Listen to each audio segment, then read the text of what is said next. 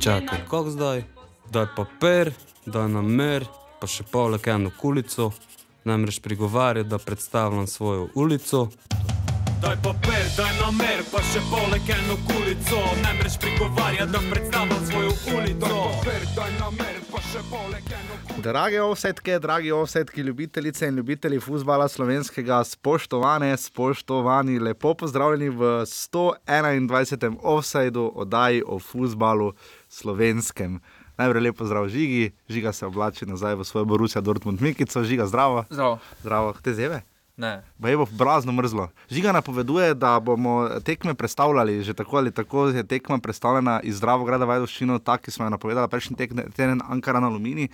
Uh, obeta se zelo, zelo hud uh, mraz, povrhu še Glede na predtem sneg. napoved, v Mariboru snežna napoved, sicer ti mi ne verjameš, Ne, ampak ti ne. eh, se zna, je velika verjetnost, da bo odpadlo. No. Ja, glede na trenutno vreme, doma igrajo. Pa res bo mrzlo, no, to je težava, da bo posebej mrzlo po noči, da bo res stisnjeno, v Mariboru tudi do minus 15 in uh, Bomo videli v Velenju, tekme Težko, doma no. igra Ankaran, zdaj tokrat igra Vajdoščini, predvidevam, mislim, da so naslednjo tekmo prijavili nazaj v Dravogradu. ja, vse so povedali tudi v Ja, to še pridemo. Uh, Velenje, Maribor, Krško in Ljubljana gostijo tekme ta konec tedna. To so vse Krško in Velenje, sta igrišči. ki Krško, sta... je že tako ali tako. Upam, upamo, da bo, no, mi že res namreč govorimo zato, ker komaj čakamo vsi na začetek futbola, tako kot ste vsi prejšnji teden ste zelo dobro poslušali. Nas šel gledati, da smo Apple podcast prišli višji z nule, po dolgi pauzi takoj na z, epizoda je prišla na 15. mesto v torek, tako da ste pridno poslušali. Ja, najprej res hvala Željku za donacijo, za podporo. Željko, da je praktično tebi posvečena, ker ta boost res rabimo za serverje, za čaj, za to, da si bo žiga tudi kupil kaj. eh, Žiga, zakaj nisi šel s Cimerotičem igrati FIFA? Premalo bi ga. Dobro. Hvala Marku, uh, ki se je tudi ponovno odločil za uh, me, redno mesečno donacijo. Res hvala vsem, to lahko storite tako, da greste na urbane.si, pošiljnica offset in postanete tam naš mecen. Uh, res bomo veseli uh, vse pomoči. Hvala GTO22, da smo lahko tukaj, da lahko snemamo tukaj, je mito, posne res kul cool plato. Hvala Peru Dominku, ne? Dominko je, Dominko pa mu je to poslal samo zato, da bi voda bil omenjen. je poslal nam, ampak je žiga skrbno pripravil to, kar boste lahko slišali danes. Največja hvala pa seveda obema gostoma, najprej uh, Damirju Pekiču, da si je vzel čas za nas uh, in pa potem še Jakobu Novaku, hvala uh, velenskemu rodarju. Namreč uh, slišali boste lahko izkušnje o posojah. Uh, Zdaj, notranja posoja, verjetno bi lahko Damirja Pekiča kar označili za najboljšo vseh časov znotraj lige, ipak je bil najboljši strelec lige takrat. ne. Ja, mm, glede notranje. Glede notranje posoje, ja, tudi Jakob Novak je pa primer igralca, recimo, ki zelo izkorišča minute pri Velenju. Vam bo, tudi, uh, vam bo tudi razložil, zakaj se mi zdi, da takšne teme upamo, da vam bodo všeč. Uh, povejte nam več o tem, kako in kaj. Uh, kaj bi radi slišali, katere teme se vam zdijo zanimive, ali je ta princip dober ali ne. Bom vas z veseljem upoštevala predloge in ste potem pripravljeni na naslednje goste. Upamo, da, bodo, da bomo naslednji teden morda gostili Oliverja Bogatinova iz Aluminija in pripravili spet kakšno temo, morda o zimskih rokavicah, igralcev, opreme in tako naprej. Ne. Ker pri nas že skoraj da dolgo že nisem videl, da bi pri nas z oranžno žogo igrali. Ne. Na zadnje mislim, da bo na derbiju. Ja, pa, pa tudi, da bi štange barvali, že tu dolgo nisem videl. Ne, načeloma jih Mislim, da potem- nimajo niti to večina klubov Ja, ampak moraš kao štango, naj bi pobarval, naj bi štange. Ne. Naj bi, ja. Naj bi, no, okay.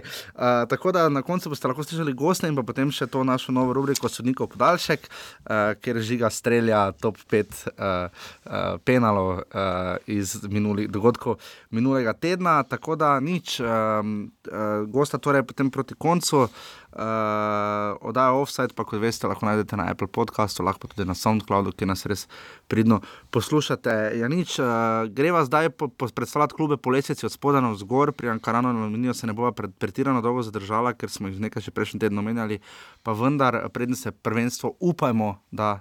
Najprej jutri v Ajdoščini, potem pa še naslednji konec tedna nadaljuje žiga. Uh, ti si nogometno, si ali si olimpijsko razpoložen? E, bolj nogometno, no. ker olimpijske igre se mi res zdi, da sploh nimaš feelinga, da so Ja, ker je- olimpijske igre, ker zbudiš se, pa vse mimo. Pa, ja, dobesedno, ampak e, trenutno res nogometno, tudi Liga Prvakov se je vrnila prejšnji teden. Evropska liga, druge e, lige, tako da tudi to bomo ja. potem omenjali. Nič, gremo zdaj na, glav, na, na vrat, na nos in sneg in led eh, v prvo ligo Telekom Slovenije.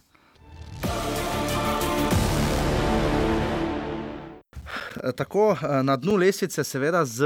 Uh, Niti ne tako, po mojem mnenju, skromnimi osmimi točkami, do katerih so se priborili z eno zmago, to so priborili v Kranju, ne? če se dobro spomnim. Ja. Uh, in pa petimi remi, kar ni tako slab dosežek. Neverjetno. je žigi najprej najbolj priljubljen klub, tako za zelenimi, uh, so modro-beli iz. Uh, Hrvatinov, Kopra, Ankarana, Kop, uh, Ajdošine in Dravograda. Sedaj... Mislim, da ima lahko na koncu še kako mursko soboto totalno. Tudi, pa tudi, ne, gostuje, tudi prva liga. Ne. Uh, žiga. Uh, Prestopni rok, nekaj mi razloži, zadnjič sem komaj naštel vse igralce, ki so odšli. Prestopni rok traja več, debeli mesec dni. Ne? Zdaj že več. Zdaj že Mesec dni, mesec no, dni je mesec trajal, traja. trajal je do minulega četrtka. Uh, kot smo seveda vedeli, na začetku ste lahko slišali ampak, o Aleksandru Krecu in Temova, govorila pri Olimpiji in Mariboru. Ampak uh, čudi me, da se klubi izdatno odločajo za resne kadrovske ali pa vse obširne kadrovske reze na koncu. Dajva najprej to obdelati pri Ankaranu. Odšlo jih je, niti ne bom preštel, eh, prišlo jih je pa tudi ena, dva, tri, koliko ene, 80, tu nekje, ne. Ja. Uh, mislim, da osem novincev. Uh, Kaj to pove, za, za, eh, je to dobro ali slabo za klub, ne? Ko bomo potem primerjali s Triglavom? Kaj to pove za Ankaran, recimo v primerjavi z poletnim, preden so začeli ligo? Ankaran tako ali tako je že uh, slabo za slovenski nogomet. No. Uh, uh Mhm. -huh. Če pogledamo en takšen klub kot je Ankaran, bi res moral sloniti na svojem podmladku. Tu se torej Recimo strinjaš z, Krško. z Zoretom. Ja, pač recimo tako kot Krško v začetku tiste na začetku epizode, ko so bili domači igralci. Uh, tukaj bi se mogli opreti na svoj kader, težava je, ker ga niti tega nimajo in uh, se morajo zatekati temu, pa res pač za večino teh igralcev doben ni slišal. No. Ne Res- samo igralcev, tudi klubov, iz katerih Ja, pač prišli. tudi Jaz klubi- moral googlati, enka vrapče se moral googlati, priznam, nisem verjel, da je to Hrvaška tretja liga. Matija Soldo, zve- zveneč sicer hrvaški priimek, nogometni, Pa tudi Kitajec je recimo. Sičuan, želej Dinke prišel, to bo žiga se vse naučil izgovarjati. Uh, Potem neke posoje iz Krotone, vse super, ampak. ampak, ampak eh, samo mislim, da je Erik Liha slovenec od vseh teh, ki so prišli. Ne? Ja, Uh, Ne, pa Patrik Patrik Bordon. Bordon je še iz Cipra se vrnil, je prišel v Ankaran. To, je, Eh, recimo, to bi bilo smiselno, če imeli neko mlado slovensko jedro, recimo kljub temu so imeli, imajo kar nekaj slovenskih mlajših reprezentantov in mislim, da bi morali na tem graditi, ne pa da se krepijo z to pa je resno že. To pa, to pa, oni kaj pa to vozijo, to pa definicija agencijskih igralcev. No. Absolutno se strinjam. Žiga zadnji dve tekmi, Dinamo Zagreb, druga ekipa, 3-1 uh, poraz in pa predvsem, ok, to še gre, Dinamo Zagreb je druga ekipa, je kar precej igrala z našimi klubi in imela zelo različne rezultate. Uh, je pa Ilirija, ta poraz uh, za vikend je pa kar presenetil. No. Realno domet Ankara. No. Bojan Prašnik, kar svetuje Iliriji, prvo kot smo lahko drugo ligo, prebrali. Uh, ampak to, da so z Ilirijo 3-1 izgubili, kaže, da bi Ankaran v spomladanskem delu se fejs mučil v drugi ligi. No. Ankaran si že lani ni zaslužil eh, prve lige, glede na rezultate. tretji, ja. eh, Letos, ko je še težja druga liga, mislim, da Imaš občutek, da se bo- ne bi bili v top 4. No. po vsem, kar smo videli, imaš občutek, da se bo Ankaran uh, težko sploh boril za obstanek z tistimi dvema do tremi klubi, ki so pred njim. Ankaran se torej. sploh ne bo boril za obstanek. Ne bo, je že Pač, sodeloval. Bo. Sodelovali bojo v ligi, ja. pač bojo imeli tu pa tam kakšen preblisk, to pa je to, no, ker pripeljali so večino igralcev v četrtek. eh, Res pa, da lahko zdaj veliko nadoknadijo. Imajo aluminij in tri glav doma pod narekovanji. ne. Če bi te dve tekmi sjajno in nepredstavljivo zmagali, obe ne bi bili v igri še ne. Aluminij je premagal 4-1 Ilirija. Dobro, Žiga je povedal vse. Eh, Kaj bi še opozorila pri vladu Bajimu? Ankaran je imel, če je imel pa s čem težave, eh, je pa seveda imel z realizacijo. Ne? Zabili so eh, 15 golov, res da jih je tudi tri glav zabil, le 16. Ne? Ja, tukaj eh, sredina jim je bila težava, ker niso si ustvarjali dobenih priložnosti mm. -hmm. v napadu, en kama. Uh, pa tudi uh, Kidrič sta bila no, uh, konkretna, ko sta prišla v situacijo. Pa me leže, je še bil neka razlika, ne? ponavadi tako. Ja. Ampak to, je, to bomo To videli. to. Ankaran čakata torej zdaj dve tekmi v štirih dneh. Uh, bomo videli, kako Na se drugi bodo kome hodili. ja, če sploh bo, ne, zdaj v Dravo, grade imajo tako ali tako težave, bomo videli, ampak Ankaran, uh, veliko prestopov, ampak uh, načeloma smo ugotovili, da je to za ligo slabše, čeprav bomo videli zdaj pri. Ankaran eh, s tem, kaj dela, no, predstavitev tekme postavlja res pod vprašanje legitimnost prvenstva. No. Se- Pač, ab- eh, Se strinjam. Zakaj sedaj lahko dobijo ajdoščino v tem, niso pa mogli lani decembra dobiti? Uradno so razložili pač zaradi tega, ker, eh, niso, ker, ker moraš prijaviti dogodek in so bili prepozni. Vem, Tudi kako, prvi krok. pa tudi tekma se bo zdaj igrala za zaprtimi prepozno. vrati, ampak to je Ankaran, ki se v drugo, drugi del prvenstva podaja za res spremenjeno zasedbo in pa z osmimi točkami. Tako naslednji eh, na devetem mestu z, 15, z 14 točkami je seveda končal prvenstvo, p- jesenskega prvenstva Krajinski Triglav. Eh, Zelo malo dogod, zelo malo okrepitev, to smo videli že pred po, eh, poleti, ne, ko so prihajali iz druge v prvo ligo, kar so takrat označila za slabo potezo. Zdaj je prišel samo Dejan Vokič, eh, to je polna pogodba, ni posoja več. Ne. Ja. Uh, odšli so pa Matej Podlogar, Darko Zec, Daniel Vujčič in pa Stefan Kukoljac.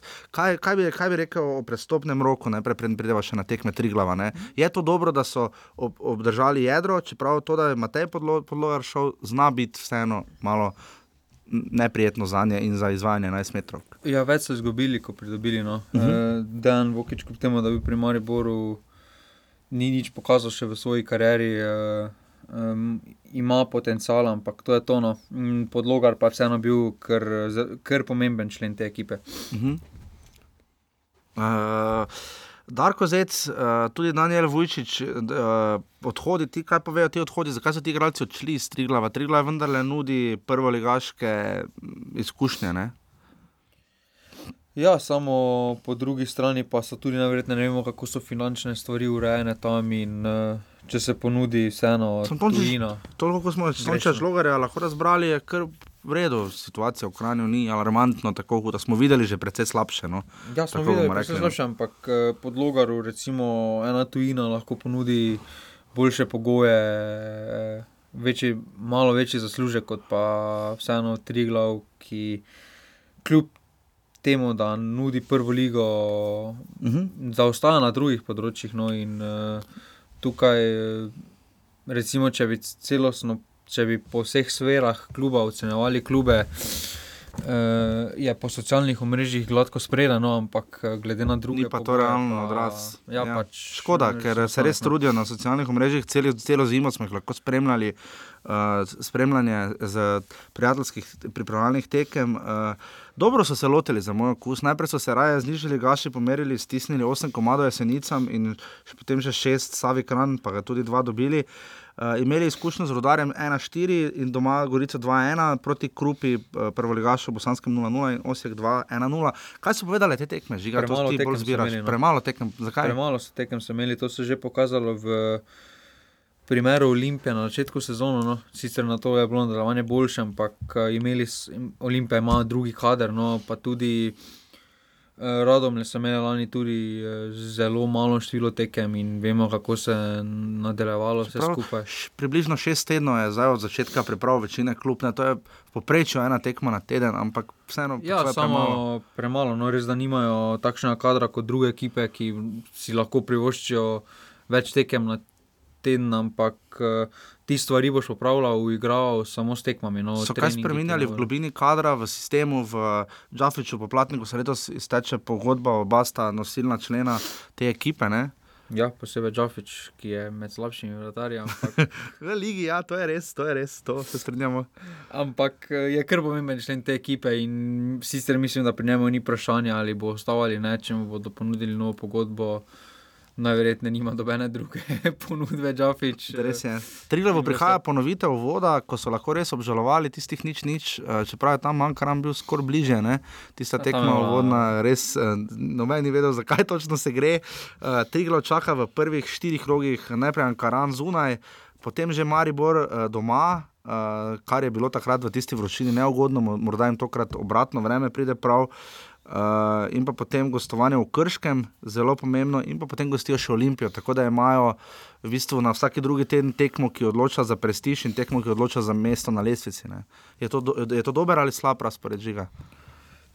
Vsekakor ti domači tekmi z Mariborom in Olimpijo bo ta magnet uh, za gledalce in uh, dodatni motiv bo. In če bodo kakšen pozitiven rezultat z te tekme, Vsaka točka bo odmevna. So že imeli pozitiven rezultat v Ljudskem vrtu, zakaj ne bi doma imeli. Olimpijo zadržali, ne? Uh, ja, in se bodo potem, in se ekipa potem dvigne, in je vse mogoče. No. Triglo je vseeno pod Brkičem pokazal neko organiziranost in uh, neki potencial za kaj več. No. Triglav torej nadaljuje v prvenstvu z 14 točkami.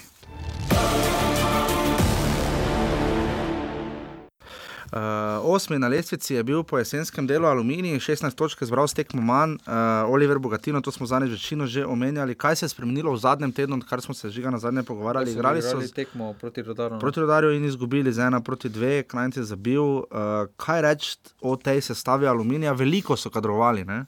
Ja, da tukaj bo, bomo videli, kako se bo Bogatino odnesel. No. Uh, vseeno to pred kar težko nalogo je, vseeno ima po imenih uh, dokaj mlado ekipo, neizkušeno ekipo, kar na novo sestavljeno, glede na jesenski del. In, uh, Tukaj bo aluminij, uh, aluminijo bo že ta ritem, že brez pokala bi mu prišel do žive, uh -huh. kaj šele sedaj, ko imajo pokal, še dve tekmi dodatni in za takšen klub, sicer to res priznanje, ampak uh, na koncu se jim lahko ti dve tekmi poznata, da na lestvici uh, se zna zgoditi, da jih celo tri glav recimo prehitino. Ja, Veliko izkušenj imajo, mislim, veliko prihajata Luka Štor in predvsem Denis Šmek, ima sta prišla in pa tu Rok Idrič in Mihvel Klapan. Oba sta igrala za Ankaran, kar nekaj minut sta zbrala oba v prvi ligi letos, že Josip Zeba ima izkušnje, eh, prav tako Dejan Petrovič, mislim, da že v preteklosti. eh, So to glavne ukrepitve, ker to so fanti, ki so že pa vseeno nekaj odigrali na slovenskih nogometnih Pa igriščih. mislim, da bo šme uh, oba dva iz Ankarana in Zeba, da bodo glavne ukrepitve predstavljene, ostali pa bodo. Potem pa poleg obstoječega kadra, že recimo Škofleg, Vrbanec. eh, Koga bodo najbolj pogrešali? Mensa. Mominoviča, Mesca, Mensaja, Derika, koga? Mensaja pa meseca. No. Uh -huh, se Eh, strinjam. tukaj mogoče celo meseca malo bolj no, kot uh Mhm. -huh. Mensaja, ker uh, imajo še drugega Mensaja in se jim ne bo tako poznalo primankanje. Pri Mensajev. ja. Uh, Ankaran ima seveda aluminij, igrajo jutri ob 13. z aluminijem, z Ankaranom, na to igrajo z Mariborom v Ljudskem vrtu v soboto. Te tekme ne bo. Te, če bo, potem pa imajo doma še Krško in pa še četrti krok, pogledamo, in grejo v, še v Ljubljano, tako da ima zelo podoben razpored kot Triglo in potem aprila še pokal. Aluminij torej na osmem mestu čaka jih veliko izzivov, največ pa seveda Oliverja Bogatinova, Slobodan Grubor je postil vse za najo dva res dober pečatno. Ja, uh, prvi sezon je res dobro delal, uh -huh. potem pa Ni nadgradil. kaže, ni bil na isti valovni dolžini z uh, vodstvom, uh, tudi glede uh, njegovega seznama, okrepitev najverjetneje niso najbolj upoštevali v klubu in uh, logično, da rezultati niso bili na mestu in uh, pač nekaj se, sprememba se je morala zgoditi, trenera pa nalaže menjati.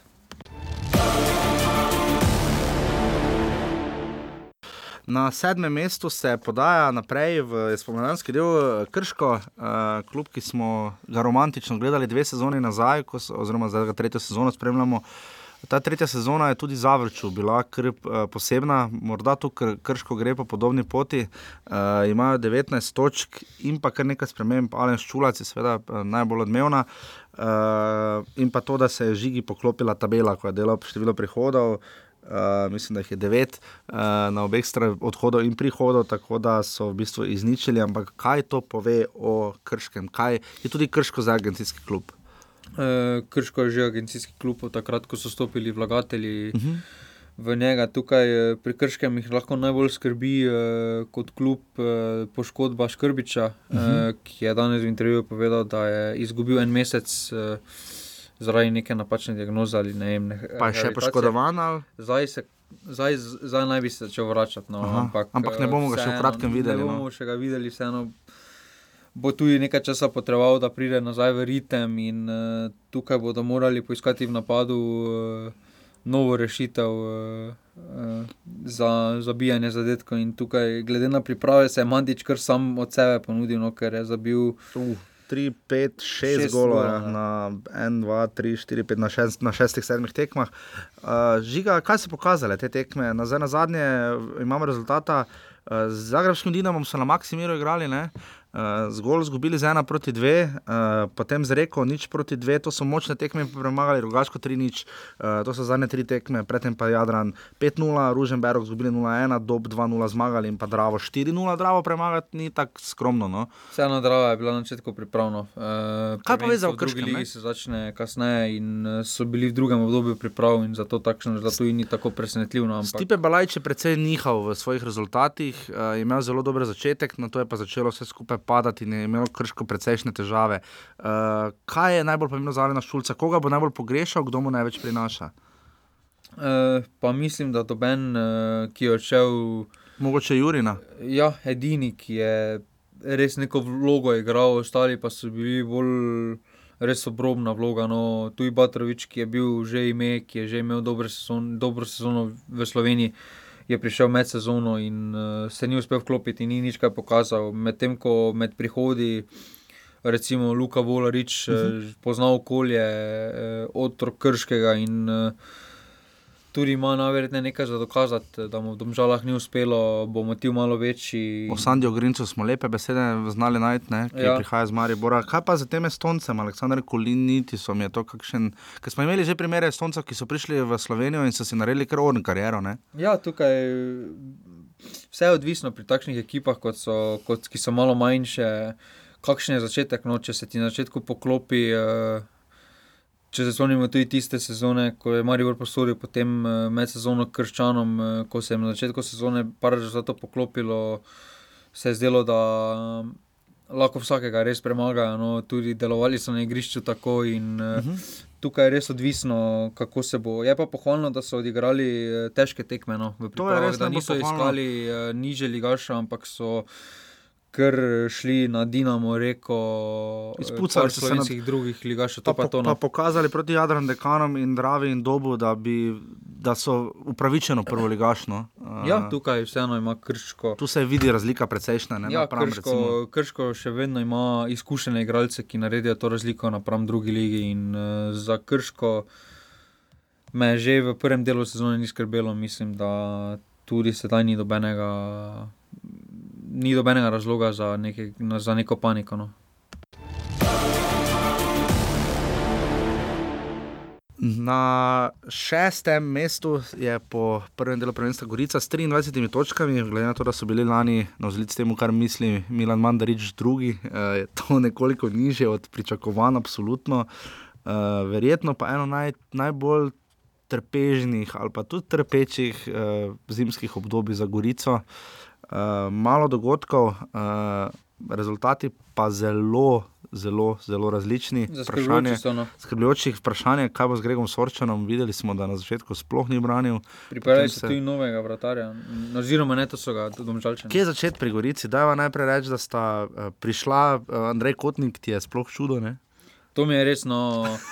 Posojen je bil eno leto v Frosinone, kjer ni nič igral, potem pa so ga posodili v špansko tretjo ligo. Naprej. Da, Zakaj ga potem raje ne pokličeš k sebi, ki imaš Da težave, ga potem prodaš? Ne? pa ga potem dokončno prodaš, zakaj ga potem samo še s posojami in to v špansko tretjo ligo. Ne rečem, da je bila vsaj druga liga. Ja, pote, zanimivo pač odhod Rifeta Kapiča se je sam po sebi že poleti napovedoval ja. Ja. v njegovih res dobrih predstavah uh, v, proti armenskemu klubu. In, uh, še, ne, še, ne vem več. Grkom. Ne, ne, ne, v armenski klub, kako se je imenoval. Širak. Širak, ja, skoraj sem rekel šerif, pa vem, da so Moldavci. Rifet Kapic je seveda absolutno priboril, Grasshoppers, uh, znani švicarski klub, re, relativno, no, vemo tudi, da so različne švicarske izkušnje. Šporar je dal intervju. Čakamo na drugi del, uh, dvojni pogled naprej. Vidiš, kako se to je segway, kot bi rekel, že Tomič.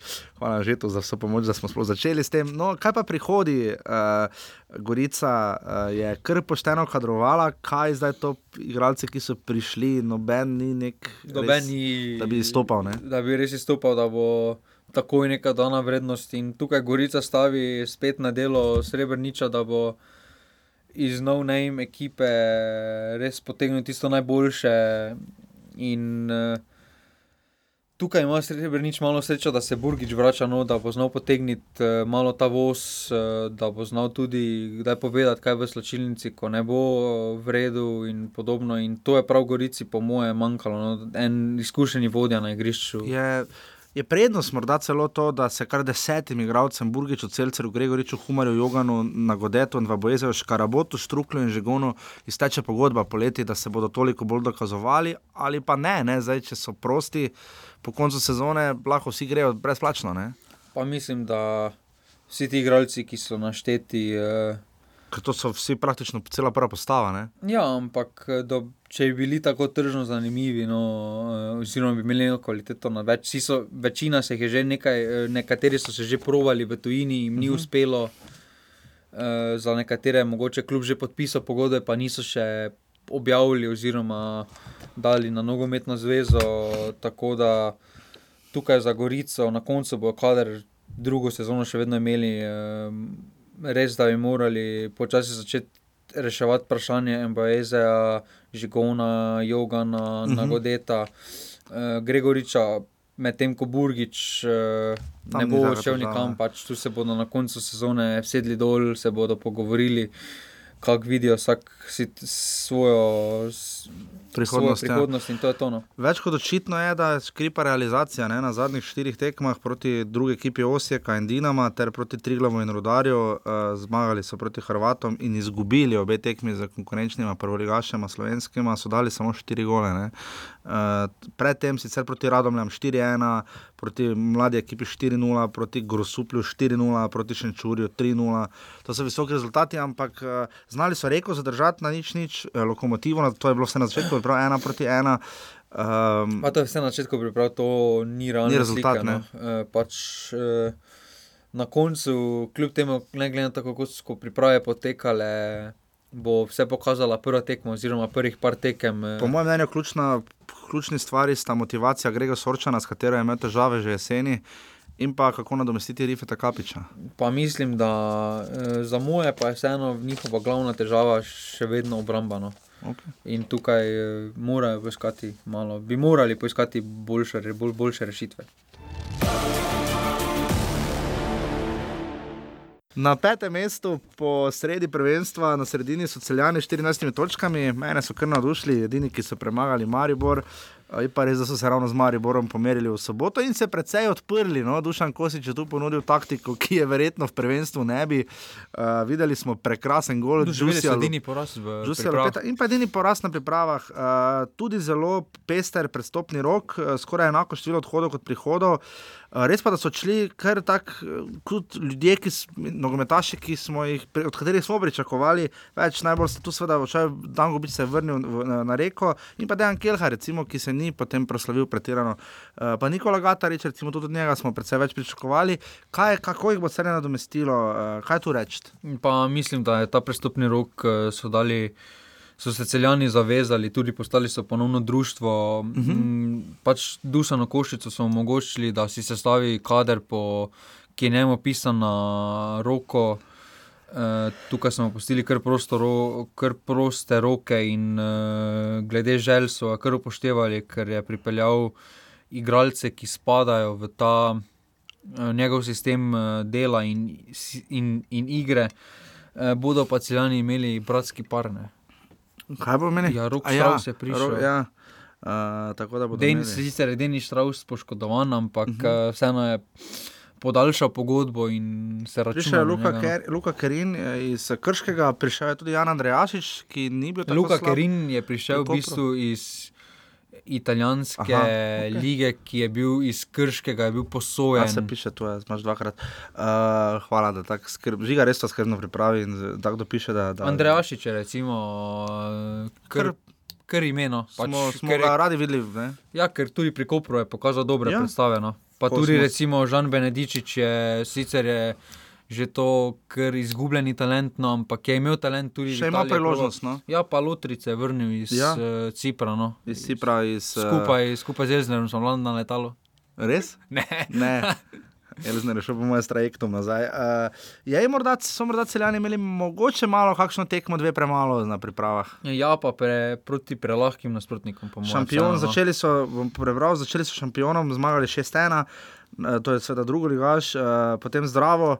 Uh, kjer so igrali uh, ena proti ena, uh, to je kar spodrsljaj, Fužinar, spet drugo liga, slovenski 5-0, široki breg, prva bosanska liga, nič 2 poraz, Zemon, prva srpska liga 3-0, tu so očitno kar dobro se znašli, Bravo so igrali 2 proti 2, uh, Bravo se je izkazal za kar težkega tekmeca, očitno glede na Olimpijo, in pa seveda na koncu so še igrali generalko z Mariborom in izgubili 4 proti 1. Uh, kaj reči o teh tekmah? Kaj smo videli? Videli smo celje, ki smo ga v bistvu gledali uh, pod Kosičem jeseni. Celje se ni nič stranilo, no pač tukaj bodo iskali vedno gol več. eh, Proti tistim, proti Mariboru Olimpiji pa se bodo zaprli, res da ta tekma ni neko merilo, ker eh, je Maribor res dobro odigral in celjani eh, so se kar prepustili toku igre, so vedeli, da ne igrajo za dobene prvenstvene točke in so kar šli, no, kar na glavo so šli in eh, so pač fasali. Orng, ja. In, bod, in, in so se najverjetneje iz tega kaj naučili, da ne bodo te napake ponovili proti Mariboru in Olimpiji v prvenstvu. No. Absolutno, celjani, poglejmo, celjane čaka v nadaljevanju prvenstva najprej uh, dvoboj z Olimpijo, ne? ta bo kar po, dosti povedal uh, v tekmo v Ljubljani. Na to igrajo v Domžalah, spet gostovanje in potem doma gostijo Gorico, tako da to so res tri kar naporne tekme, igrajo s temi, ki so pred njimi na lesici. Ne? Tako da bomo videli, torej celjani so trenutno na srednji lesici, lesice in želijo precej više. Na četrtem mestu, precej visoko, se je povzpel z 29 točkami, uh, kar je trenutno še zelo resno borba za Evropo, Marjan Pušnik z rod- velenskim rudarjem. Pa so podprvaki prestopnega roka, no. Zakaj so podprvaki državni roki? ker so pripeljali igralca iz Kosovske lige.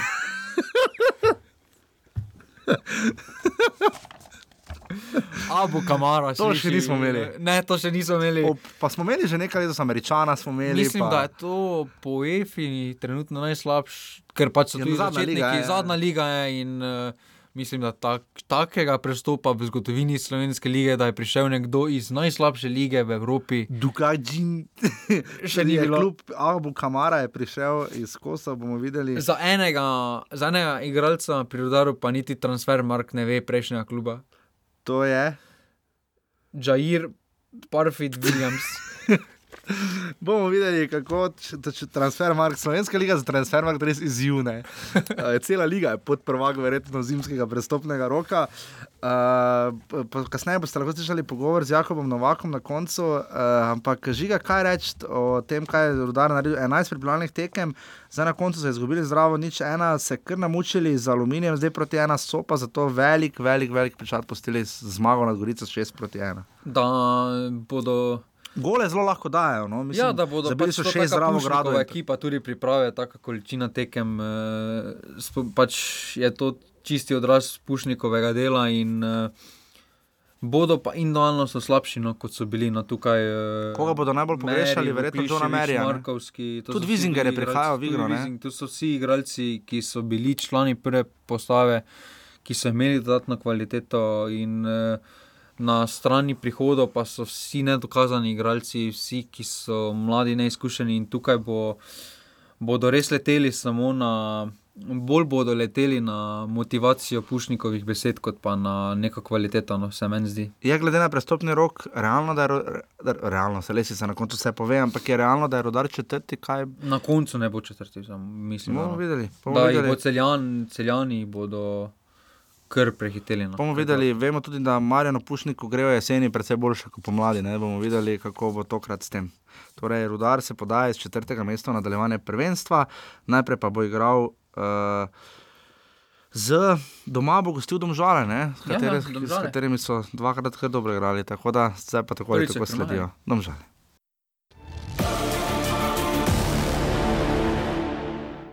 Abonenti tretjega mesta, uh, razen lanske sezone, uh, so seveda domžalčani eh, pod trenerjem Simonom Rožmanom uh, spisali zelo lepo poletje, žigi so omogočili pot v, v Stožice, se jih tako lepo spomni proti Marseju uh, in Freiburgu. Uh, kaj reči o prestopnem roku domžal, uh, zgolj en prihod in pa kar precej odhodov tudi zvenečih. Ne? Če bi ga mogel ocenjevati z oceno, bi rekel ena, no. ne zadostno. Bi poslal še enkrat uh, prestopni rok. Uh, Res so se okrepili jeseni, oziroma poleti in jeseni zelo, zelo močno, ne Andraš, Kirm, Agim Ibrahim in tako naprej. Ja, uh, ampak kdo bo menjal Balkovca? Kdo bo, Ja. bolj sicer ni igral. No. Ni toliko igral, je igral, je Matjašič- gačanje, prihaja Matjašič noter. Je kar ena črna pika za domžale. Jure Matjaš, dajva kot- za sekundo, dajva za sekundo se samo Prišel je kot reprezentant v domžale. Ja, kot uh, uh, iz Zavrča ne, uh, je prišel takrat. Domžale so takrat Igral na Švedskem. Pri, z Mariborom za njega, z Olimpijo. Ja, uh, Jure Matjašič je seveda na švedskem igral prijateljsko tekmo pod srečnim Katancem, tega ne smemo pozabiti. Takrat si je to absolutno povedanem v naši ligi zaslužil, kot smo to ocenjevali in bili celo na diglu na švedskem kar precej navdušeni, navdušeni pač nad tem, kar je pokazal. Uh, torej, domžalčani očitno uh, konsolidirajo finance, ne delajo to, kar je delal Maribor lani, očitno pač uh, zelo striktno delajo z denarjem. No. Ja, mogoče so spoznali, pač, da so se malo jeseni zakalkulirali s temi prehodi, Alvir, Ibrahimi, eh, na vse zadnje tudi Kirm in tako Mhm. mm -hmm. dalje, ne igrajo ti fanti. Ti igralci za Kikiriki in uh, Uh -huh. tukaj uh, so najverjetneje tudi nek, so nekaj zaslužili z Balkovcem, uh, in po drugi strani pa bodo enega mladega potisnili not, ampak uh, domžale bo vse super, uh, da dajo mladim priložnost in tako dalje, ampak uh, ti prihodi potem, zakaj jeseni pripeljati Alvirja, Ibrahimja, Kirma, če boš mlade ti šel naprej. Lahko domžalčani ujamejo Olimpijo, 9 točk zaostajajo trenutno za Olimpijo in Ne. ne. 12 za Mariborom. Ne, okay. Še prej jih lahko celjani dobijo. Kaj so pokazali priprave, razen žiga, je bil razočaran, ker ni našel, kje igra kljub tiča keče, če se to tako izgovori. Hvala, hvala uh, če ne bi bilo domžal, vidiš njihovega pripravljalnega Ne sistema. ne bi- ne bi ne bi vedela ne? mačarskega ligaškega sistema. Mačari imajo tri lige, tri, tri tretje lige. Do danes sem se vsako jutro zbudil in sem se Žiga sprašoval, ni kako vedel, mačarski si- ligaški sistem deluje. Ja, e, imajo, ž- imajo giljavžen četrtih lig, od tam vun ne prideš. Je pa prišel Tičakeče v tretjo ligo in domžalčani so z njimi igrali ena proti ena. Zadnja tekma, ki so igrali, so pa igrali za Ferenc Varošem, uh, zgubili zdaj proti tri, zabdela sta. Oba dva gola so dali v izihravih tekmeno. Tako Mhm. da so kar zgubljali 3 proti nič, potem pa mislim, da Ibrahimi v 85 minuti zadev, pa Bizjak v 87. Premagali so Zemon 3-1, izgubili z drugo ekipo Dinama nič 1, premagali šampion 6-0 in potem so bile še tekme predtem v začetku priprav, eh, mi gledamo bolj tiste proti koncu. Kaj, torej, kaj, kaj so torej pokazali priprave domžal, domžalčani? eh, So imeli rezultatsko krizo, vmes zlasti poleti, ko so bili na dveh frontah, ampak so se potem počasi nekako stabilizirali. Žalčani mislim, da ne glede, oni še imajo težave sicer z vratarjem, zato so tudi Tetitko- Te- Tetičkoviča pripeljali, ki je bil eh, tudi vratar, branil je v tujini že kot, mla- še vedno je mlad 23 let. Ampak eh, Pa Tako ali tako so menjavali že zdaj, do zdaj dva golmana. Ne? Ja, ampak Miliča še vedno, pa Mulaliča. Milič je še vedno bolan, oziroma nekaj Mhm. poškodovan, ampak eh, mislim, da nima veze, kdo je pri domžalah trener, eh, da domžale so pač so mladi slabe. Ja, Oziroma, ne dosežejo teh rezultatov, ki jih dosežejo v jesenskem državu. Lahko delajo pa sporadično in zelo premišljeno, nimajo Ja, pokala. samo sedaj pa je težava, da niti jesenskega dela niso imeli super. To No, in, eh, Za Evropo bo kar borba. In tukaj so si, drugače so si ponavadi jeseni nabrali neko varno razliko od tistih zasledovalcev za Evropo, ampak letos tega nimajo in bodo tudi spomladi morali stisniti, pa tudi 18 krogov je spomladi. In, uh, bo, to, bo ta spomlad morala biti kar drugačna kot prejšnje spomladi od, od Domžaljina. Ja, sploh pa dolgo že ne pomnimo, da domžalčano ne bi gledali v Evropi. ne. Ja.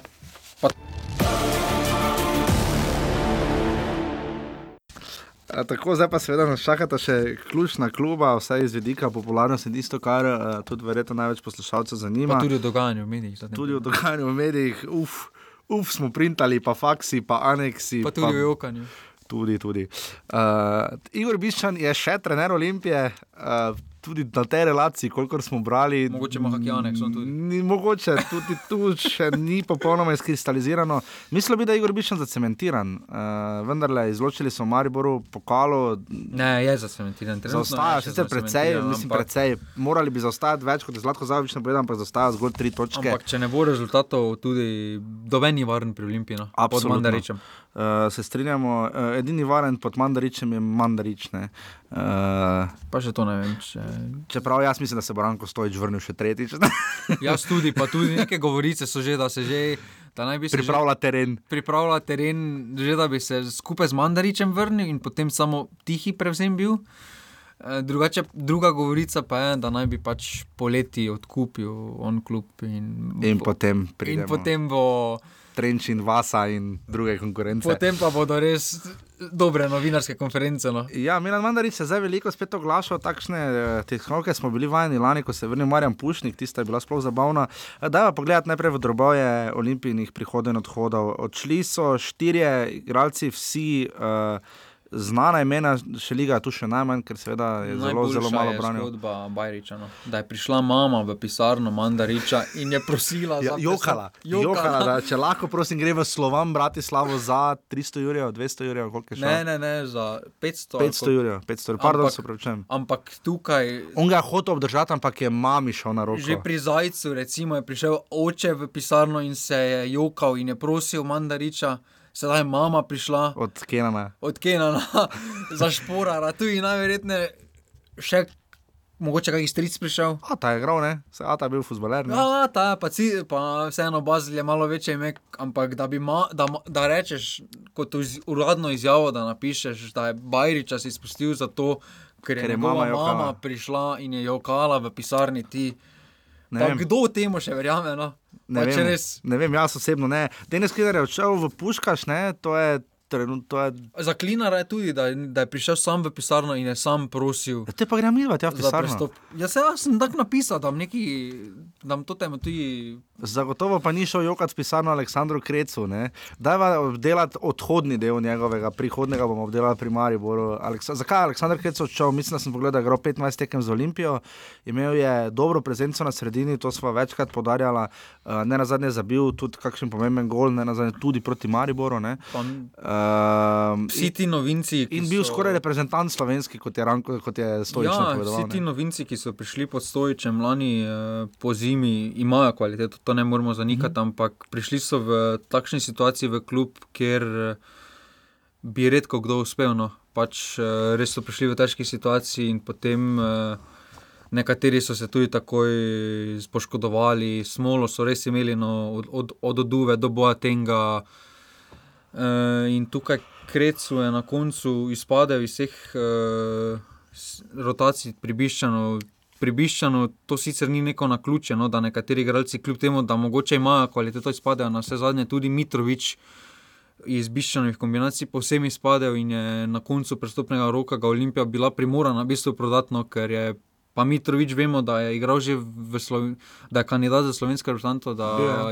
je eden izmed najboljših štoperov v slovenski ligi bil, ko je igral v rednem pogonu in uh, pač Krecu ni sedel v Biščanu in uh, zato tudi boljše 100 tisoč kot pa vseeno najverjetneje Je. ni- je imel kar plačano v Olimpiji in uh, si je delal Olimpija z njim samo minus. Okay, uh, zdaj prihodi, uh, predvsem bo žiga prebral uh, nekatere tu priimke. Ti boš zadnjega, no. Eh. Dragan Mrža. Dragan Mrža je prišel iz Japonske. Dva, To je, kar, to je srpski Zlatan Jublankič. Zakaj? Ker je kar, kar ima rad japonsko lige in tako dalje. Sicer je prišel v Crveno zvezo za nekaj časa, ampak večino karere na japonskem preživel. Uh, potem sta tu kar tri posoje, so ne, uh, zanimivo. Erik Boake iz King Fasajla, to je Kaj je King? liga, država. To je ona tam. v Afriki. Arabska, a je v Afriki, ok. Ja, nekje tam Nigerija, skot je prišla. mislim, Ganska, Ganska nekaj takega. nekje, ja. Jason Davidson je pri- posojen iz reke, v Dečuku v Činedu je prišel iz Kacine, prav tako posojen. Eh, Na zadnje pa smo videli, da je prišel Šarijat Kobiljar iz Rinskega. Pa meni. Zrinski je res, enkrat imamo zgodbo narediti o Zrinskem. Ne, Zrinski je najbolj ukrepil slovensko ligo. Ne, Ne, Maribor ta- je vzel tri, pa Olimpija tri. Ne, Pa ta. Rijat ni imel niti dovolj kvalitete za Zrinski. Ker je bil v, Go- v Gož Gabelo. V Gož Gavel je bil posojen in na koncu zdaj predstavlja okrepitev v Kaj boju so za ti igralci no. po pozicijah, kje se to Olimpija bolj krepi? Ja, Uremovič eh, je vsekakor, kot pa tudi glede na priprave, kar dostojna zamenjava za Bariča na mesto Ok. okay. centralnega branilca. No. Potem pa so bočni branilci, napadalec, vezist. eh, Na koncu prestopnega roka je, so se, Olim, se je Olimpija okrepila tam, kjer je Biščan imel svoje želje. No. In, Mhm. mm -hmm. uh, hvala Bogu, da se je Biščana. Upoštevalo njegove želje. Vsaj tu, ker je zagotovo. Vse, je pa res, da so, te, da so bile kar pozno, da so vse te ukrepitve skoraj da prišle. To je ključna po- ugotovitev prestopnega roka, da po- prihajajo krepitve pozno. Ne? Ja, da so te ukrepitve pri Olimpiji prišle, ko so se že vrnili iz Turčije. No, to je malo, kjer se naredi baza za. Pa ne samo za spomladi, tudi za Za poletje. naprej, no. ne, ja, ker poletje vemo, je zelo In- kratek pristopni rok. Žiga je tu seveda namenoma pustil dve prazni vrstici pri tekmah Olimpije, s tem je želel povedati, da je Olimpija igrala absolutno premalo število Ne, tekem. Olimpija je igrala veliko Je pa, je pa napredek v primerjavi s prejšnjimi pripravami, je to 200 odstotno Ja, tukaj povečanje Olimpija je števila igrala tekem. boljše ne. tekme. Uh, tudi Skoraj boljše kakovosti. Tu nekje kot Maribor. No, pa po kakovosti mislim, da tu niso Ni. kot Maribor. Ok, igrali so z Rostovem 3-3 na zadnje, 1-1 z Dinamo Minskom in pa z Bravom, recimo generalko zdaj še za vikend v Sloveniji 3 proti 2. Uh, tudi Etar, bolgarski 3-0, predtem pa z Ankaranom 2-0, Sesvetami 3-1. in Dobre priprave so imeli, 106. pa rez- Zakaj? rezultatsko. No. Rez- Rezultatsko so imeli super priprave. No. Krona veter se vrača, več kot očitno videli smo en sijajen gol z prostega strela. Uh, vidimo, da je glavni napadalec postaja spet Leon Benko, ki je bil že čisto na stranskem tiru, ne, kot se spomnimo. Samo Ja, pogodba bil, poteče in naredno zato tudi. Pri Olimpiji ima tudi uh, velik problem, je, pogodbe so 14 14, igralcem ja. poteče pogodba, oziroma je nekaterim konec posoje. In, uh, tukaj, če samo recimo en vodišek, ki je bil prikovan na tribuno, bo sedaj moral biti prvi vratar, ker so še oba dva, prva dva v bistvu poškodovana, pa še njegove statuse se sploh ne ve. Uh, tako da tukaj bo Olimpija ima kar dosti vprašanj. No, in, uh, Vidimo, da je Mrža že zadev Čanađija, je tukaj bil na sredini, Olimpija je bila stabilna, to je bilo, da ni bilo veliko menjav, še te, ki so bile, so bile, ne moramo ne reči, v slabem smislu predvidljive, ampak je bilo jasno, na koga Igor Bišan resno Je pa računa. kar sramota, da, od, da imajo toliko tujcev. No. Pač za tako, Se strinjam. za, Za, no, za finančno, finančno so skoraj najmočnejši klub v Sloveniji. S- Ja. Če, če ne bi bilo lige, prako Mariboro, bi bili gladko Ja. ja. najmočnejši. Prvaki so postali Eh, za slovenskimi igralci, ja, pretežno in, v ekipi. Ne? eh, Tukaj je resno škoda, ker en klinar bi še Ja. vedno lahko bil. Eh, Tudi Bajrič. Slova... Super, tujina je tujina, ampak Slovan Bratislava ni zveneči klub. V No. eh, Evropi so na istem nivoju kot Olimpija, brez rezultatov, trenutno, no, v preteklosti so imeli rezultate, to pa je to. In, eh, če bi en Bajrič dobil tu dobro ponudbo, če bi mu predstavljena kot da je lahko neki vodja, se, mislim, da tudi njegova mama ne bi prišla jokat pisarno. Olimpija ima, se strinjam, Olimpija ima kar, kar krepek razpored na začetku, takšen lahko ti spodrsne, ne najprej doma celje. Na to igrajo v Novi Gorici, uh, in pa potem še doma malo lažje tekmi, najprej z aluminijem, na to pa grejo še v kran, uh, kjer je nekoliko teže. To so prvi štiri kroge za Olimpijo, ki ima tri točke zaostanka.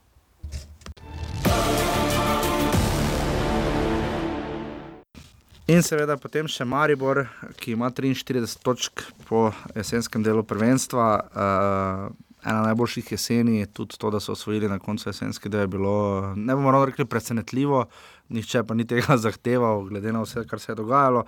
Črni Madež, kot vemo, je bil izpad iz pokala proti, proti Olimpiji, ena res slaba tekma, en poraz proti celju.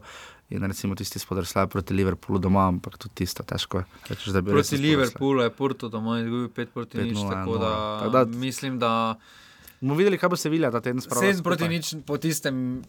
Sem smatral pač Liverpool kot Liverpool, pa takrat je bil Liverpool še skotinja tam. Koliko je pa Spartak igral Spartak. v Evropski ligi? Ne spremljam Spartak. No, dobro. uh, Mariborski prestopni rok, uh, zelo odmeven. Zelo uh, dober. Pa tudi zelo dober. Uh, najprej odhodi. Uh, Tu se Zahovi, eh, Zlatko Zahovič se naučil veliko. Kaj pa pravi, kaj pravi izkupiček? Zdaj odšla sta Marwan Kapha, najprej šel Jean-Claude Bilong, uh, na to je šel še Palčič. eh, Mar, uh, Palčič Matej v Vislo uh, in pa Marwan Kapha v HPL Berševo. Uh, to je bilo najprej. Pod, kaj, poleg tega, da se je Leor Imbrum neslavno vrnil v Gent, uh, Vokič šel tri je že dalje posoda.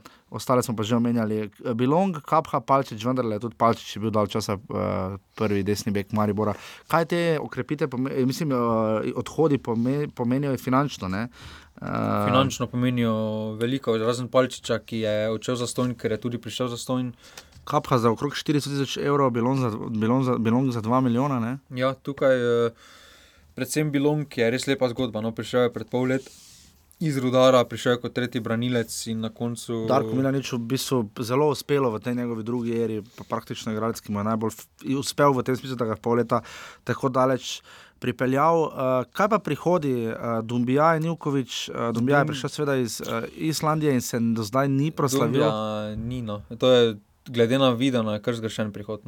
Se, se strinjam, bomo povedali, ali bo, kaj, bo povedal čas. Se pa strinjam, zelo veliko težav ima z vodenjem žoge, oziroma nasploh z mirnostjo, se mi zdi v obrambi, da ima kar tremo. Se mi zdi, tako se Je pa zdi, no.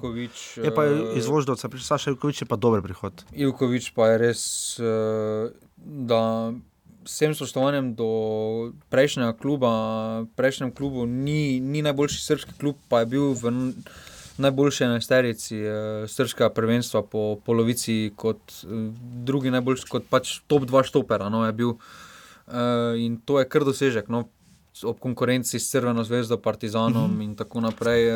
Se voždovac dobro drži v srpski ligi zelo. Ja, ampak kljub temu novinari radi najprej pogledajo pri vrhu lestvice. In, Pa je vseeno prišel tako Ja. v izbrano enajsterico.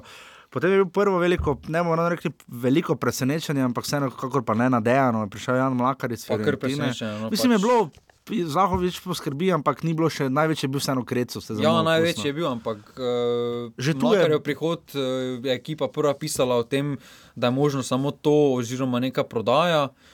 In mi, in mi kolega napiše, da Jan Mlakar prihaja, v Maribor pa sem jaz mislil, pa dajno, ker je res, no, Fiorentina ga je kupila za en milijon. No. Pa Ja. tudi v njihovi primaveri je res streso mreže, pa tudi igral je že v prvi italijanski ligi. Torej, neke plane so imeli, potem pa da ga Kakšen je status Jana no. Mlakarja?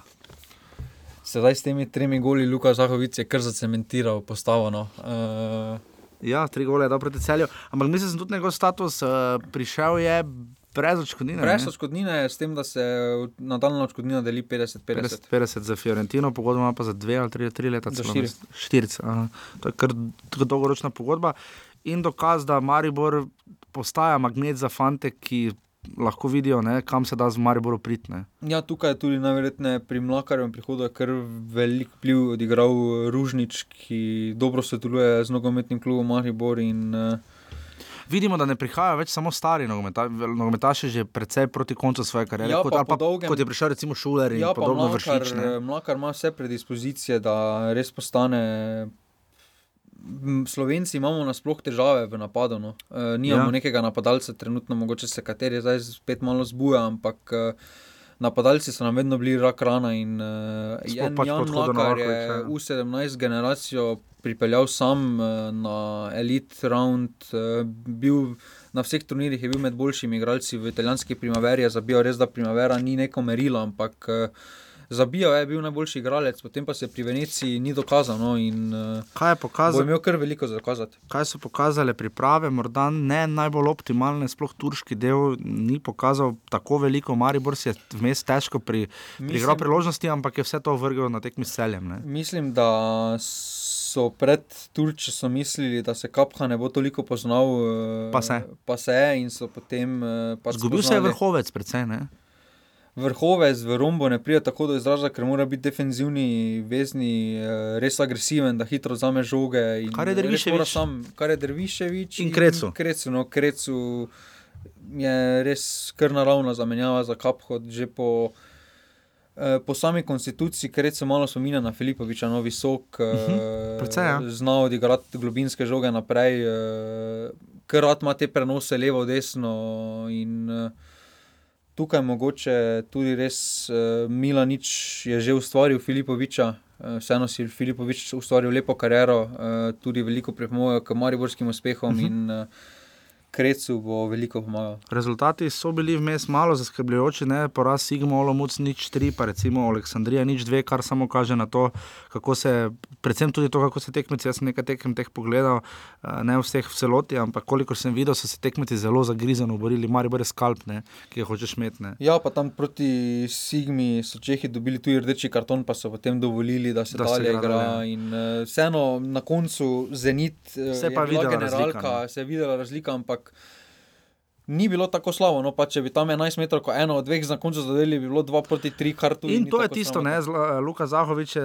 2-11 metrov, ki zgrešil v dveh minutah in pol, kar je po mojem rekord. Ne, uh, ne, ne samo zgrešil, obema je golman branil, ne, pri čemer pri drugi se je še prepiral z Zaretom Vršičem. To je tisto, kar, op- kar se meni zdi glavna dilema Maribora, da zna biti tekmec samemu sebi. Uh, minute 11 igralcev je, 18 tekem, samo smo mladi, pokala ni, uh, konkurenca v ekipi je pa za vsako mesto, vsaj dva igralca v napadu, bo konkurenca precejšnja, vsaj trije konkurirajo za Milaničevem sistemu, v najboljšem primeru dve mesti, lahko pa celo eno, ne? odvisno od sistema.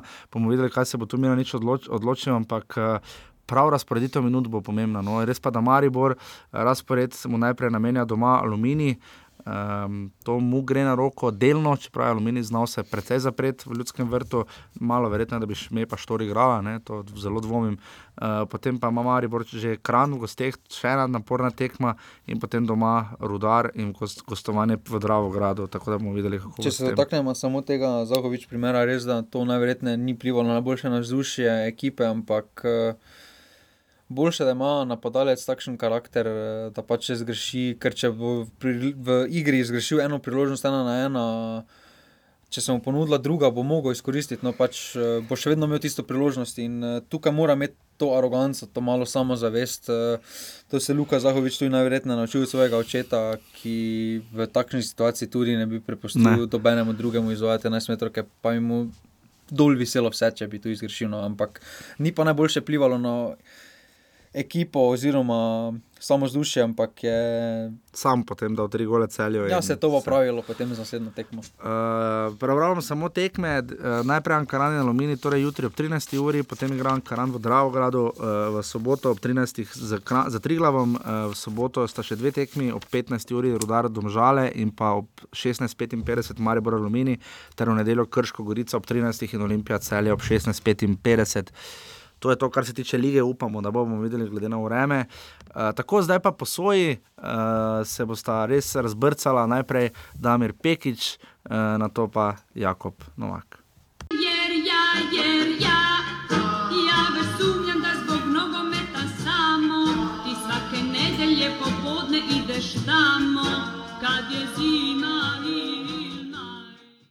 Tako v čast, veselje in ponos nam je, da gostimo enega izjemnih streljcev uh, in tudi enkrat najboljšega streljca v slovenskem državnem prvenstvu. Uh, napadalca, uh, zlasti Maribora, ne pa zgolj Maribora, seveda tudi Domžal. In pa med drugim tudi, seveda, celja, gostimo absolutno Damirja Pekiča. Gospod Pekič, lepo pozdravljeni. Ja, lepo zdrav. Um, vaša izkušnja je bila ena najbolj specifičnih, ko gre za posojo. Vi ste bili posojeni v sezoni 2000-2001 v celje in v 29 tekmah zadeli 23 zadetkov uh, in bili najboljši strelec takratne lige. Kak, uh, kak, kak, kako gledate na tisto takratno izkušnjo, uh, sploh vaš odnos tudi z Mariborom in tako naprej, matičnim klubom, uh, je seveda bil specifičen, ampak kako je, ko postanete strelec v posojenem klubu? Ja, kot prvo, definitivno je takrat, uh, vemo, da na posoji govorimo takrat, ko je treba pač najti neko novo sredino, kjer se uspeš uveljaviti, ker pač tisti obstoječi uh, ne zadeve ne tečejo tako, kot treba. Meni je pač tisti se zgodil ravno takrat, ko je tisti prehod iz mladinske lige v članski nogomet, ki je najtežji, vemo, Mariboru še toliko težji. Uh -huh. In uh, jaz sem bil res takrat vesel, da, da, bistvo, da mi je tudi klub omogočil, na koncu, koncu tudi takratni trener uh, Matjaš Kek Maribora, da mi je omogočil, v bistvu, da, da je samo ocena oceno, da ne bom dovolj minutaže dobil v Mariboru in mi pač omogočil to, da najdem eno sredino, v kateri se bom boljše razvil in uh, seveda v celju, kot takrat sem bil z trenerjem celja Marjanom Pušnikom uh, že prej v kontaktih, ko se je to uspelo realizirati, uh, seveda sem bil zelo vesel, da sem lahko prišel v celje, uh -huh. uh, pol pa se je seveda vse obrnilo meni v prid in res tista sezona se mi takoj poklopila, po domače povedano, in mi je uspelo pokazati že v prvem letu, v prvem pravem letu članskega nogometa, da, da, da imam te kvalitete za igranje v prvi ligi in da sem tam postal tudi prvi strelec lige. In koliko, koliko je to psihološko, recimo, obremenjujoče, tudi igralec, verjetno, ko prihaja v člansko kategorijo, verjetno zadnje, o čemer raz, bi razmišljal, je verjetno posoja. Ne? Kako ste vi takrat izkoristili to, kako ste se počutili, če se spomnite zdaj nazaj, ker debitirali ste že marca 98 proti celju, pa potem v treh letih odigrali 14 tekem v prvi ligi in zadeli en gol. Ne? Tako da nekaj ste za Maribor odigrali. Kako je potem, ko se igralec sooči z dejstvom, da bo posojen? Ne? V bistvu mora sam pri sebi, mora sam pri sebi razčistiti, ali je to tisto, kaj, kaj te zadovolji, da pač oceniš, ali bo to tiste, bomo rekla, drobtinice, ki sem jih takrat Mariboru res že dobival, uh -huh. sem dobival določeno priložnost, ampak vseeno, jaz sem verjel, da lahko, da lahko si, da si zaslužim več, ampak seveda mlademu igralcu je toliko težje, noben te ne čaka, težko ti takoj verjamejo.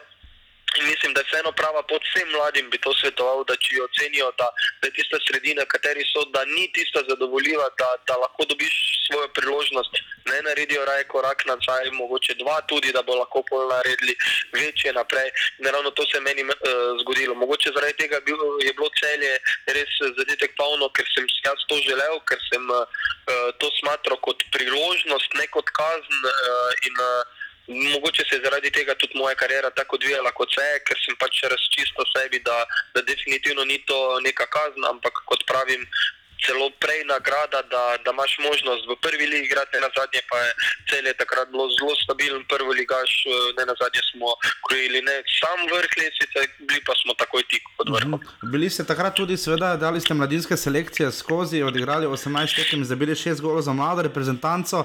Je pa takrat bilo zanimivo to, da ste lahko igrali danes, recimo, ko smo videli primerjave Maribor Krško posoje, se načeloma klubi dogovorijo, da potem posojeni igralci ne igrajo proti svojemu matičnemu klubu. Vi pa ste takrat igrali proti Mariboru na obeh tekmah. Sem, sem, ja, sem igral mogoče tisto heco, je sigurno, da so to bile specifične tekme, težke tekme, ampak uh, tudi na koncu koncev uh, sem tudi Mariboru gol dal na tisti tekma, ko sem igral proti njih.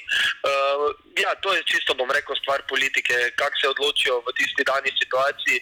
Uh, takrat Maribor ni čutil neke potrebe, da bi, da bi se dogovorili to, da ne bi smel igrati proti njim. Uh, zdaj je seveda zadeva druga, mogoče tudi malo bolj profesionalno naravnana, -huh. da, da ne prepuščajo nobenemu slučaju. To. Je pa res, da je to res bilo tudi malo specifično, ker krškem je bilo vseeno več igralcev uh -huh. in uh, ne na zadnje je Maribor skoraj da pol ekipe takrat posodo in uh, bi bilo res malo, mogoče tudi uh, prašljivo uh, samo tekmovanje, če bi vsi igrali proti svojim, bi še prej to rekli, da je neregularno. Da. Mhm. Kakšna je recimo vaša izkušnja, koliko posojenega igralca, se ste verjetno tudi bili, kdaj vi, stalni član, pa ste igrali seveda s posojenimi igralci, uh, koliko se sprejme v slačilnici te igralce, za katere se včasih ve, da bodo tukaj zgolj pol leta ali pa eno leto, ali je to popolnoma se na to hitro pozabi. Kako igralci na to gledajo v slačilnici? Bom rekel, da je zelo, zelo različno. Zelo različno. Uh -huh. Vse je odvisno od uh, osebe, katera prihaja v slačilnico, tisto bomo rekla novo, tuje uh, slačilnico, kako se obnaša, ali se obnaša kot, neki, kot neka primadona, da je on kaj več, da je on to prišel samo, da mu je, da mu je to samo neka postaja vmesna, ali pa jemlje tisti svoj klub, za katere igra z vsem srcem. Tako kot sem jaz recimo naredil zgodbo v celju, jaz sem s vsem srcem igral tisto leto v celju, bil tudi pripravljen, če se bi zadeve tako odvijale, tudi mogoče tudi v celju ostati. Uh -huh. uh, in uh, to so svoji igralci seveda opazili, sprejeli in uh, smo bili v bistvu kot eno. Je pa res, da se pa kdaj zgodi uh, razna trenja zaradi tega, ko mogoče kdo res samo preveč dela, da je to prehodno. Zopet sem vrnil na prejšnjo misel, da jemlje to kot kazen, se mogoče tudi tako obnaša uh -huh. in pol sigurno, da, da je teže. Vse bi rekel, da je pa stvar tega, kako igralec, ki se odpravlja na posojo, sam v svoji glavi razčisti zadeve, zakaj je sploh odha- eh. Kaj je najboljše, kar lahko naredi igralec na posoji? Kaj bi posebej iz vaše izkušnje, kaj bi svetovali recimo mlajšim, ki to poslušajo, oziroma kaj, kaj bi iz svoje izkušnje potegnili? Recimo? Jaz bi definitivno to svetoval vsakemu, ki gre da jemlje ne to kot, eh, kot, eh, kot, eh, kot nagrado, kot možnost, da, se dokaže, da se dokaže, ne pa kot, ne pa kot, kot sem se že vrnil na prejšnjo misel, kot neko kazen, da pač zdaj pa nisem uspel ali pa da bi vrgel puško v koruzo. Ne, to ne vzame kot dokazovanje, možnost pač v drugi sredini, da se dokaže, da, da verjame v sebe in bo mu potem definitivno lažje in bo tudi eh, tista posoja prinesla pozitiven efekt. In Koliko pa so takrat v vašem obdobju, koliko je bilo stika recimo z Mariborom, ko ste igrali za celje, koliko so vas gledali, koliko ste se slišali, ali je to predvsem se slišimo čez eno leto, kako to zgleda? Eh, Ne, bom rekel, so kar kontakti, kar tako obstajali. Je bilo tudi eh, takratni, takratni bom rekel, ne, mislim, da imel funkcijo koordinatorja Tomislav Prosen, je kar dosti naših tekem prišel pogledati. Mm -hmm. Zadnji je tudi takrat bil Boštjan Žnuder posojen istočasno, ja. da smo bila dva tista, ki smo bila posojena, eh, da, eh, da, da so bili tisto kontakti. Je pa res, da so še potem, po tem, bom rekel, dobrih tekmah, ko, ko mi je tudi uspevalo, še mediji naredili svoje, še bolj potencirali vse skupaj. Ampak eh, jaz bom rekel, definitivno je bilo, da si na očih, da se je vedlo, eh, da, da te opazujejo, da nisi bil prepuščen eh, samem sebi. Ne na zadnje je tudi Maribor pa celje nič, da taka, eh, taka razdalja, mm -hmm. da tudi na koncu konca večkrat smo se srečali v medsebojnih srečanjih. Eh, in definitivno, če misli imeti korist in klub, ki igralca posodi, in igralec, morajo ostati v nekih, uh, morajo ostati v nekih kontaktih, v nekih stikih, uh, opazovanjih.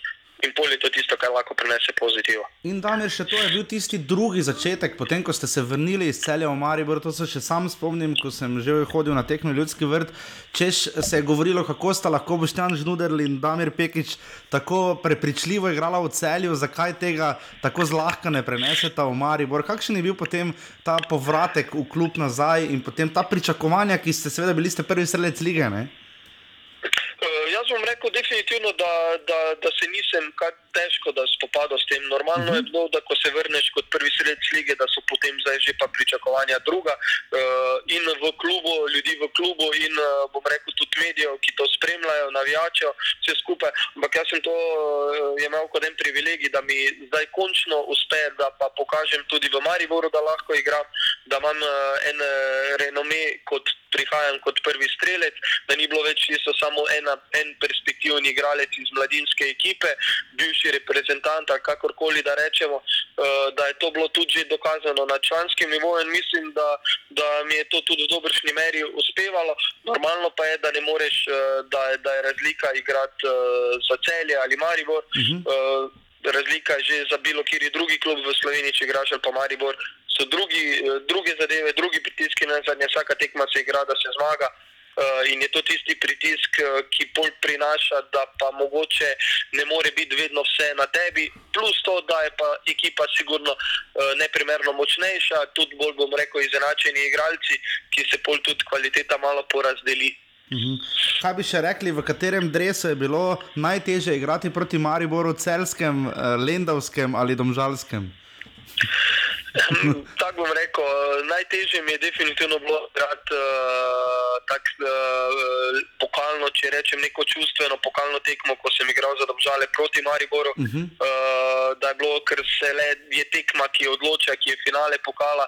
Uh, zgodilo se je celo dvakrat zaporedoma, da smo uh -huh. igrali finale, da sta te dve tekmi mogoče res tisti ta najtežji tak, ko igraš proti svojemu klubu, bom rekel, ker vseeno smatram Maribor kot svoj klub. Uh -huh. Kljub temu, da ko sem bil v Domžalah vsa tri leta, čudoviti klub, uh -huh. uh, sem dal vse srce za njih, ampak uh, vseeno ti tista prva ljubezen, kjer si naredil prve korake, uh, ne na zadnji rojstni kraj, uh, kraj, v katerem živim, uh, ostane v večjem spominu in, in je teže igrati, definitivno, da je pol teže igrati.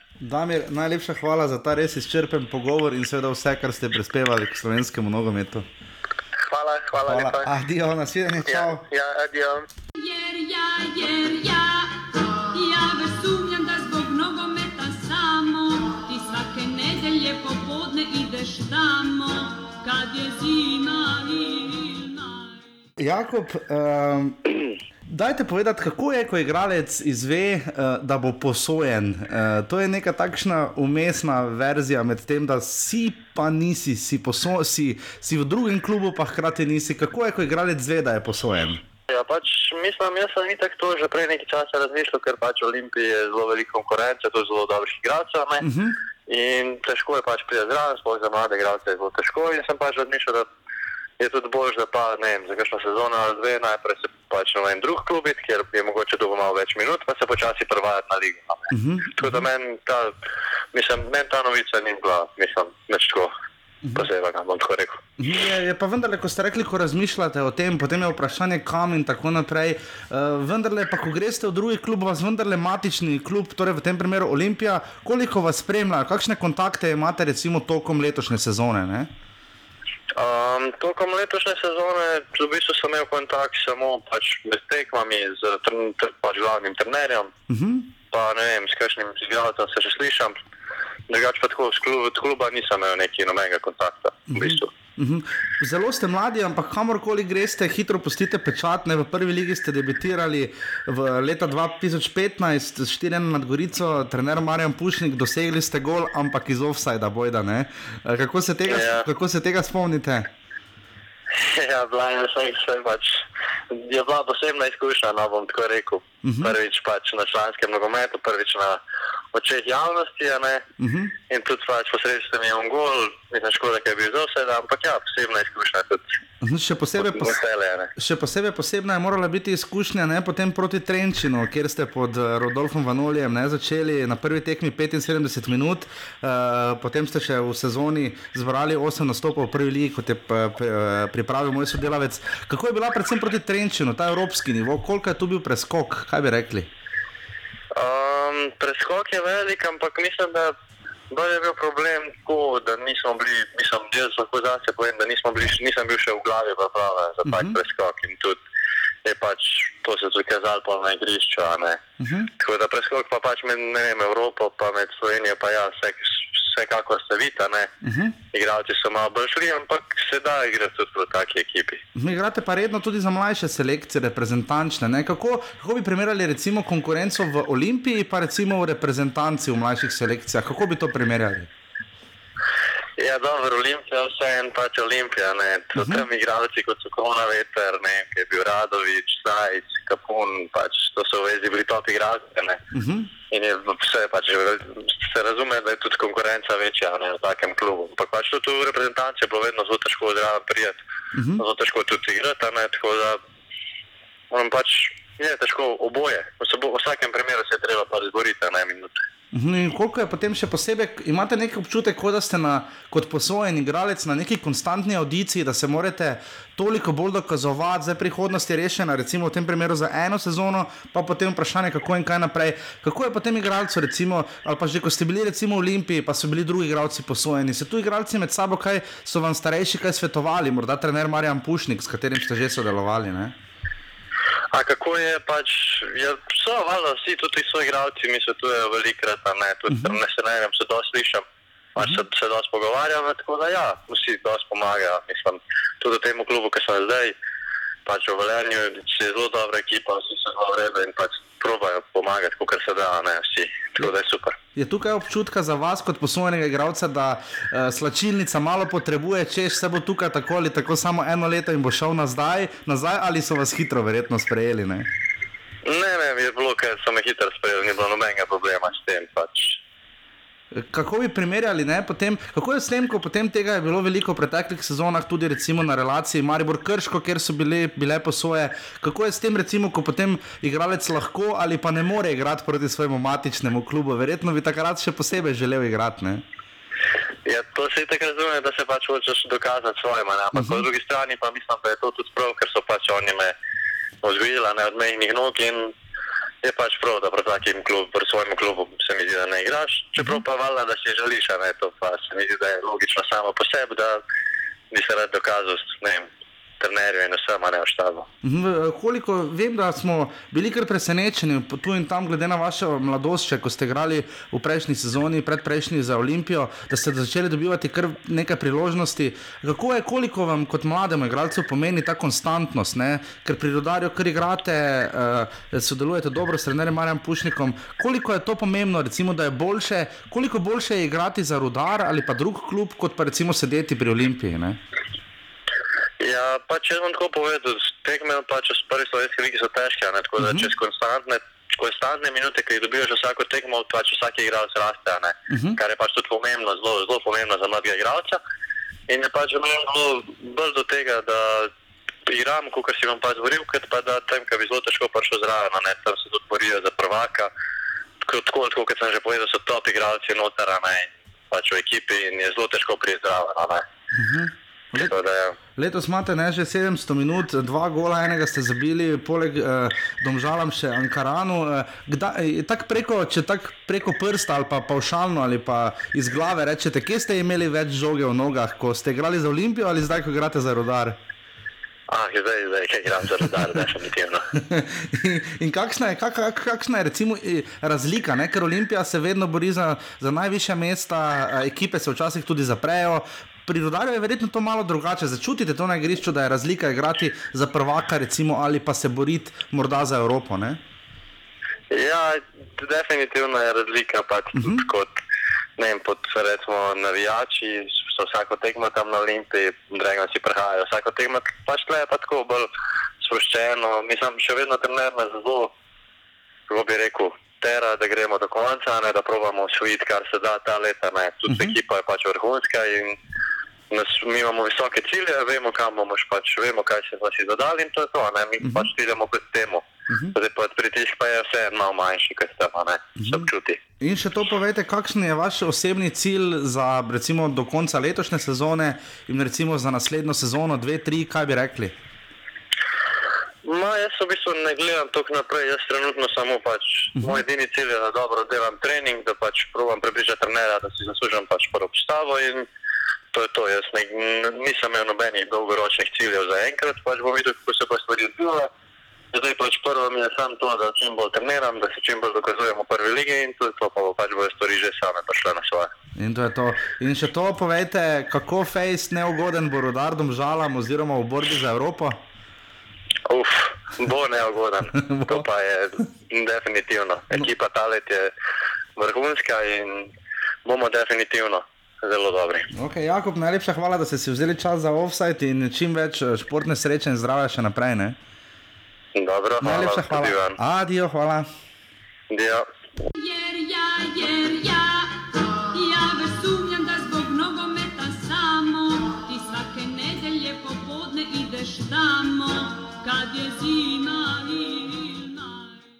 Tako to sta bila Damir Pekič in Jakob Novak. Vem, da smo rekli 45 minut, ampak to vedno na robe ocenimo za, za prihode. Res ni šlo, se upravičujeva za tiste, ki vem, da bi radi, da, sta, da so daje krajše, se bova pa res od ponedeljka potrudila. Zdaj še pa samo uh, veliki uh, sodnikov. Pa se sta tudi dva pogovora no, za uro. Res je. Zdaj pa najprej uh, sodnikov podaljšek. Žiga, um, kaj bi rekel, uh, najprej, seveda, najbolj uh, Ankaran versus ekipa. Uh, tu je bilo zelo zanimivo. Ankaran zna lige, se je šel proti vrhu uh, športnega novinarstva. uh, je prav, da so se oprli, kaj misliš? Komentar? Pa tukaj so se zgledovali, pa najverjetneje po olimpijnem zapisu prejšnje leto, ki je tudi začela So vojno. tudi ta proti teden so pisali, pri, Olimpiji so tudi pisali. Ne, te PR sporočila so zelo zanimiva, ker tako skušajo biti polikana, pa niso. Ne? Ne, recimo pri drugih klubih nisem, ampak Marijo se pa res tako drži, nič ne zveš. Nič. Nič, nič, nič, ampak napisano pa je vedno nekaj. Pač, ja, ko je PR pri. Ankaranu pa. Pri Ankaranu pa se je videlo, da tisti, ki je pisal, je pisal pozni uri, pa bil face jezen. Okay. Uh, potem še, da vas še hitro pokomentirati. Uh, Vsa zgodba Aleksandra Krecu v mediji, oglasili so se vsi na koncu, od agenta Krecujevega, Krecu sam, nekaj dosti, Zah Zlatka I Zahoviča. don't speak very good English. I don't speak English, no. Uh, oglasil se je Ranko Stojič, oglasil se je Milan Mandarič. Uh, No, Mina, Milan Mandaric se ni oglasil, on se je jokal. Kje je zdaj denar za Krecuja? Ne? Kdo ga ima? Ja, mislim, da ga ima. Tega je Maribor domu zastojn. ja, da je pač. sic- Sicer na koncu so, po mojem, nazaj nakazali ta denar, eh, kar se tudi mora, ampak eh, Še to da je pri Olimpiji je res, To no, Mislim, da up- UPN sepa nakazali, tam je 0,40 Po provizija. mojem, Mandarič vrnil, ker so na napačni bančni račun, ker so na Olimpiji račun, mogoče točno. gre na njega. Bomo videli. Ampak tu pri papirjih, tukaj en kamaribor kot. Uh, Na sodišču to pade. No. Pač en kamaribor ne more vedeti, kdo je pravni zastopnik eh, za takšne papirje, glede na pozicijo tega poslovnega direktorja. Predevaš, da, je po, da ima pooblastila tudi v tistem PR sporočilu Olimpije. Najprej Milan Mandarič po, napiše oziroma pove, da je pooblastil tistega poslovnega direktorja, Potem ampak pa potem pa nima ni. on pooblastil. Ja. Tako da. Da je papir, da je na mir, pa še poleg eno kulico. Tretja novica, Matjaš Kek je izgubil z Osijekom, kar pomembno tekmo. Uh, Petr Stanovič ni igral proti Dinamu, uh, čeprav je začel prejšnjo, prejšnjo kolo, uh, Hajduk je premagal Dinamo zdaj proti ena in uh, vsi smo lahko veseli vseeno, da uh, smo o nejkotih, pa drečnikih, uh, Davor Drečnik nima za hamburger proti sodniku, ki je sadil hrvaški derbi, tam je res bilo pestro. Pa Uh, hrvaški sodniki so lahko adijo. To, to je res adijo. Ja. Matjaš Kek, uh, ni mu lahko. On je tudi adijo. Dobro. Ne, pač Ne, on ima res. Posluša to, da je. On ima. Letos smo res nestečeni, no, sedaj so tudi malo menjali ekipo v reki in eh, na novo postavljajo. Ta sezona je že izgubljena in eh, se pripravljajo, po mojem, bolj na drugo sezono v Oseku, pa na nov kapital je vedno težko igrati. No. Pa tudi razmere niso bile najboljše. Absolutno. Še dve. Ja, to, to omeniti, ne pri nas je pozno začenja liga, zdaj že Bosne so začeli minuli konec tedna, ne če lahko tam igrajo. Bosni, kjer s traktorom. Ja, pač igrali so tekme. Uh, Robert Berič je odločil za Santetien, tri gole je že dal, odkar se je vrnil iz Anderlehta. Taki gol, da še on ni mogel verjeti, da je žoga pri njem ostala. Res. In pa Benjamin Verbič je debitiral pri Kijoski Dinamo, ker nima pravice nastopa v Evropski ligi. Ne? Ja, komaj so zmagali doma. Ja. Olimpija neka. Uh, so pa drugi, ne, Šahtar je prvi, mislim. Da. Uh, če zmagajo za ostalo tekmo, smo prvi, ker imajo boljšo gola razliko. Okay, uh, in pa še vedno Evropska liga je bila, uh, Damir Skomina, to je najbolj pomembno, je sodil uh, Mih Mevli, ne, uh, ki je Zenit zmagal, ne, mislim, da ena nič. Uh, potem je Oblak ni branil za Atletiko, uh, je, je bil spočitan, ampak je branil za, seveda, eh, zdaj proti Atletiku Bilbao. Uh, Ilič, Josip Ilič je zabil dva gola, ampak je Res lepa. Res lepa, ampak je Borussia zmagala na Westfalu, oziroma na Signal Idunija, bila tekma ne, v Dortmundu. Ja, Eh, uh, kampla, kampla imaš čo. Ja, Kampel je pa uh, Leipzig zmagal v Neaplju. Ne? Ja, to je pa eh, kar. Neapel, Napoli je igral z drugo postavo, no. oni so Aha, res vložili vse v skudeto. No. Ker ima res, res. res bitko. Ja, ampak z drugo postavo so igrali, tako da tukaj so postavili prioritete, jasno in glasno so povedali, da jim je skudeto po toliko Glavni. letih glavni. No. Ja, oni so edini, ki v zadnjih 11 letih, ko so bili jesenski prvaki. Pa v Ligo prvakov bodo prišli tako ali tako To preko ja, lige. lige, No. ja. Tako da, Tako da to je to. Uh, do te hva, Evropsko ligo špila. hvala, da ste bili z nami. Uh, to je Evropsko ligo špila. So domžale se skoraj vleno. Skoraj.